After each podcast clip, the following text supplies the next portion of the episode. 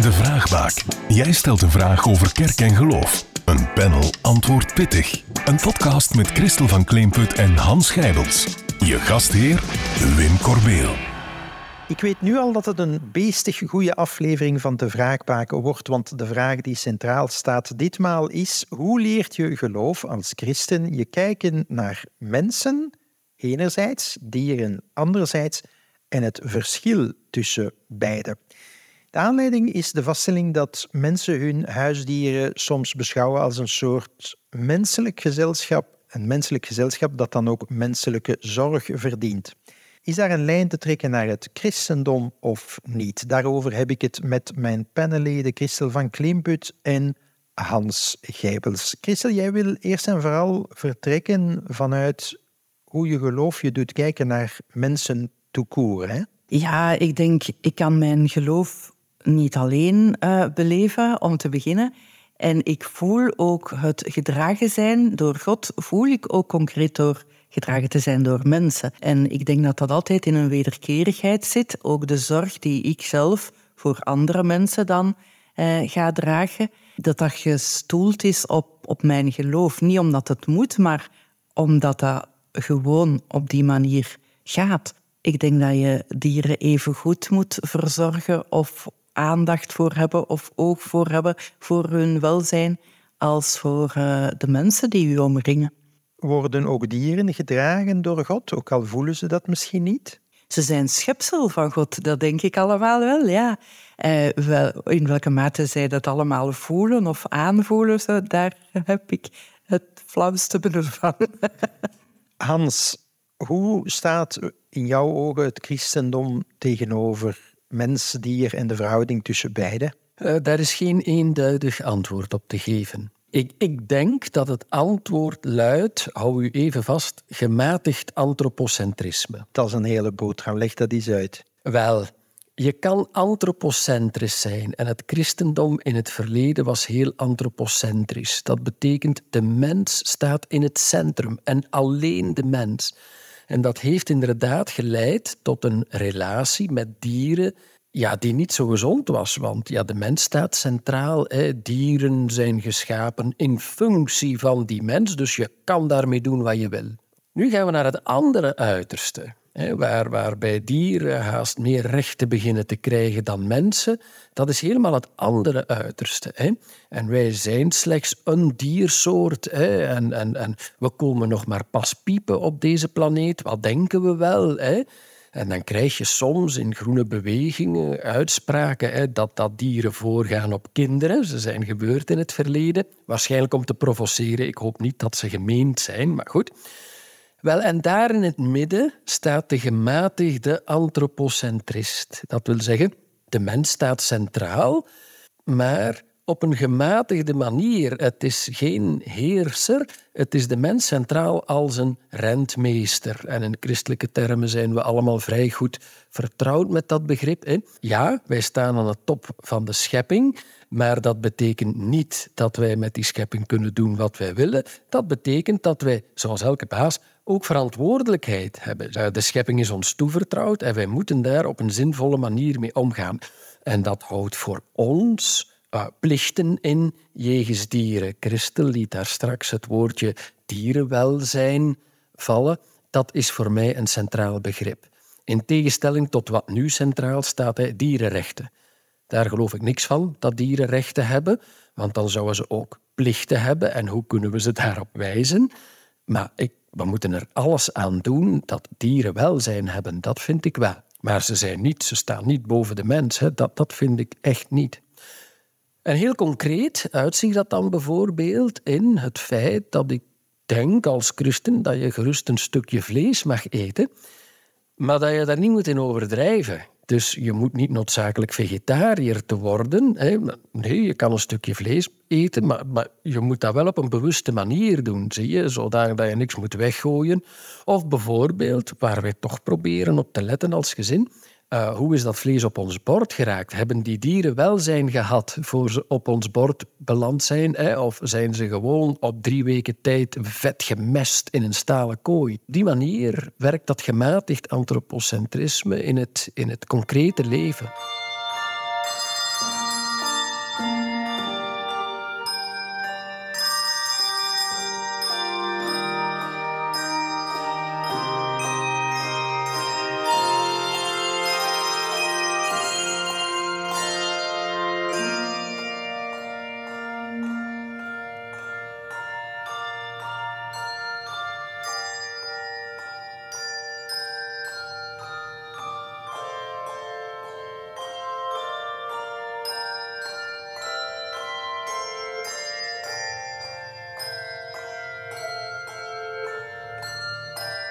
Ook daar een mogelijke tegenwerping. Mensen die zeggen, ja, we hebben het al zo druk. Als we nu nog moeten gaan nagaan van welke herkomst bepaald vlees is of zo, dan we hebben daar allemaal geen tijd voor. Ja, we gaan het moeten doen hoor.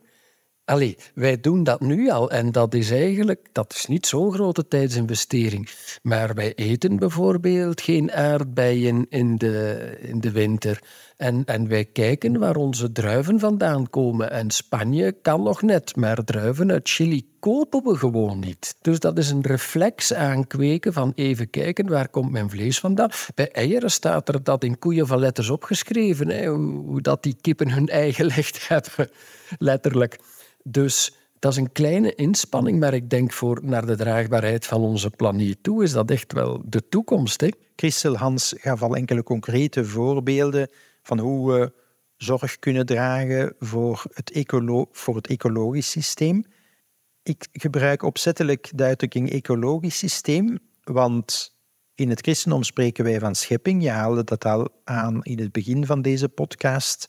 Wat is voor jou het verschil tussen deze planeet en de schepping? Kijk je dan met een andere bril naar dezelfde realiteit? Als we kijken naar het scheppingsverhaal zelf, of de scheppingsverhalen zelf, dan krijgen we als mens een opdracht. We krijgen een stuk verantwoordelijkheid, maar dat is geen vrijheid, blijheid van doe maar. Nee, zorg ervoor. Dat is iets anders.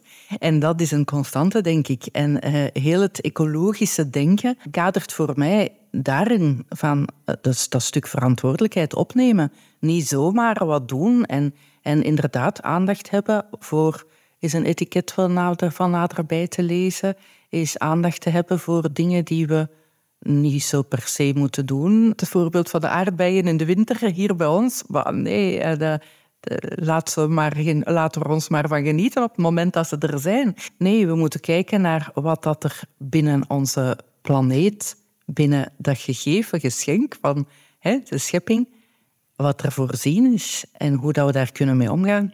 Hans, houdt voor jou dat ecologisch bewustzijn rechtstreeks verband met je geloof of leg je die link niet zo uitdrukkelijk?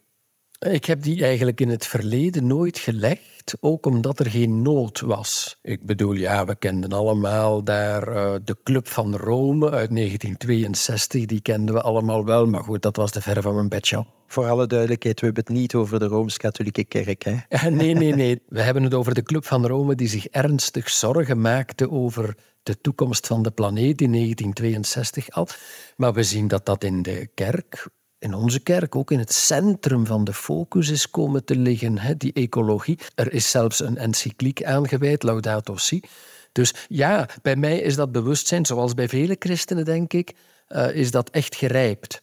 En de reden is ons verleden. Ons verleden is, om even te alluderen op wat ik iets, iets hiervoor heb gezegd, ons verleden was antropocentrisch. De mens, de parel van de schepping en alles staat ten dienste van de mens. We zien toch dat dat eigenlijk niet helemaal klopt, dat we een andere opdracht hebben gekregen, dat die idee van het renmeesterschap er gekomen is. Een renmeester moet zorg dragen voor datgene wat tot zijn heer behoort. Dus, en ja, in die zin is dat bewustzijn bij mij ook gegroeid. Het was totaal afwezig.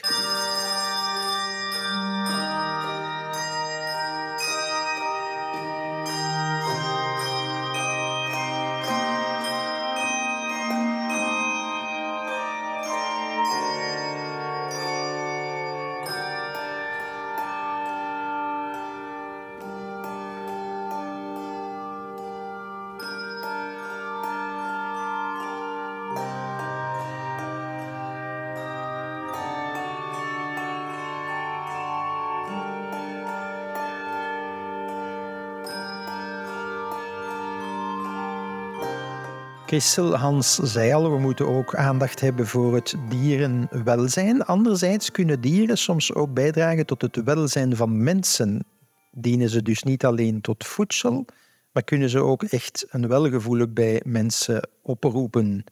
Je hebt daar een concreet voorbeeld van, hè? Ja, iets dat ik eh, onlangs uh, zag passeren uh, op tv, en ik weet niet meer welk programma. Um, maar ik heb er ook wel ondertussen wat van gelezen hoe dieren, kleine huisdieren, hè, een, een, een hondje of een konijn of zo, hè, um, worden ingezet in woon- en verzorgingstehuizen, voornamelijk bij mensen met dementie omdat het, het aaien van een dier, het ermee bezig zijn, het, het stukje precies zorg dragen voor, al is dat maar heel beperkt, blijkbaar emoties terug oproept bij mensen. En kan me helpen om misschien soms iets weer onder woorden te brengen of uh, zich eventjes goed te voelen. En een, een gelukshormoontje of hoe dat dan ook heet. Ja. Maar ik zie het ook bijvoorbeeld in, um, bij kinderen. Er zijn veel kinderboerderijen en die zijn er ook op uh, gericht eigenlijk om kinderen met die dieren te, kunnen laten omgaan. Ik zie ook dat kinderen gemakkelijk aan een poes of aan een hondje iets gaan vertellen van wat ze hebben meegemaakt, hun verdriet een beetje wegspreken op die manier, als een, um, een, een veilig gezelschapje dat het niet zal verder vertellen. Ik dus- vind dat uh, Christel hier een heel mooi voorbeeld geeft van een hele gezonde mens-dier-relatie. Maar het is even in de inleiding aan bod gekomen. Die relatie is denk ik ook wel heel erg scheef gegroeid. En nu ga ik iets uitdagend vertellen. Ik denk dat vele dieren momenteel heel fijnzinnig totaal mishandeld worden. En het uitgangspunt is het volgende. Ik weet nog dat uh, bij ons thuis vroeger de dieren mochten mee eten van tafel. Uh, niet aan tafel, maar je weet wat ik bedoel. Tot eens iemand zei, ja, dat is een fijne vorm van diermishandeling, hè? Want dieren eten geen aardappelen. En bij ons was het zo'n punt van trots. Kijk, die krijgt een stukje van de tafel en zo. Maar eigenlijk is dat dierenmishandeling. Want dieren hebben geen groente nodig. Die hebben alleen dat vlees nodig. Als ik zie hoe dieren nu door mensen behandeld worden, met de allerbeste bedoelingen, denk ik heel vaak terug aan dat zinnetje dat ze mij vroeger gezegd hebben. Dat is een hele, hele fijnzinnige vorm van diermishandeling. Een laatste vraag tot slot aan jullie beiden. Wanneer hadden jullie laatst nauw contact met dieren? Dat kunnen huisdieren zijn, dieren uit de dierentuin. En hoe was dat voor jullie? Christel. Heel concreet, gisteravond is een van mijn poezen op mijn schoot komen liggen. Zoals ze altijd doet als ik nog maar twee minuten in de zetel zit. En de warmte van dat klein poezenbeestje ja, maakt het nog eens warmer. Maar ik ga toch niet zeggen van, hup, ga maar weer weg. Nee, ze komt daar omdat ze zich daar goed voelt. En ik vind dat ook wel best gezellig. Ja, oei, mijn laatste contact is niet zo plezierig. Een doodgereden, een aangereden vosje. En dus ja, het gemeente, de gemeente moeten bellen natuurlijk, hè, want uh, ja, dat moet naar het veelbeluik. Maar dat was mijn laatste aanraking met een dier. In elk geval we hebben hier geen dieren in de studio, dus die kunnen niet deelnemen aan het gesprek, wat nog maar eens bevestigt dat er een verschil is tussen mens en dier. Christel en Hans, bedankt voor deze toelichting. Je luisterde naar De Vraagbaak. Heb je zelf een vraag over kerk en of geloof? Of ken je zo iemand? Contacteer ons dan zeker op wim.corbeel.kerk.net.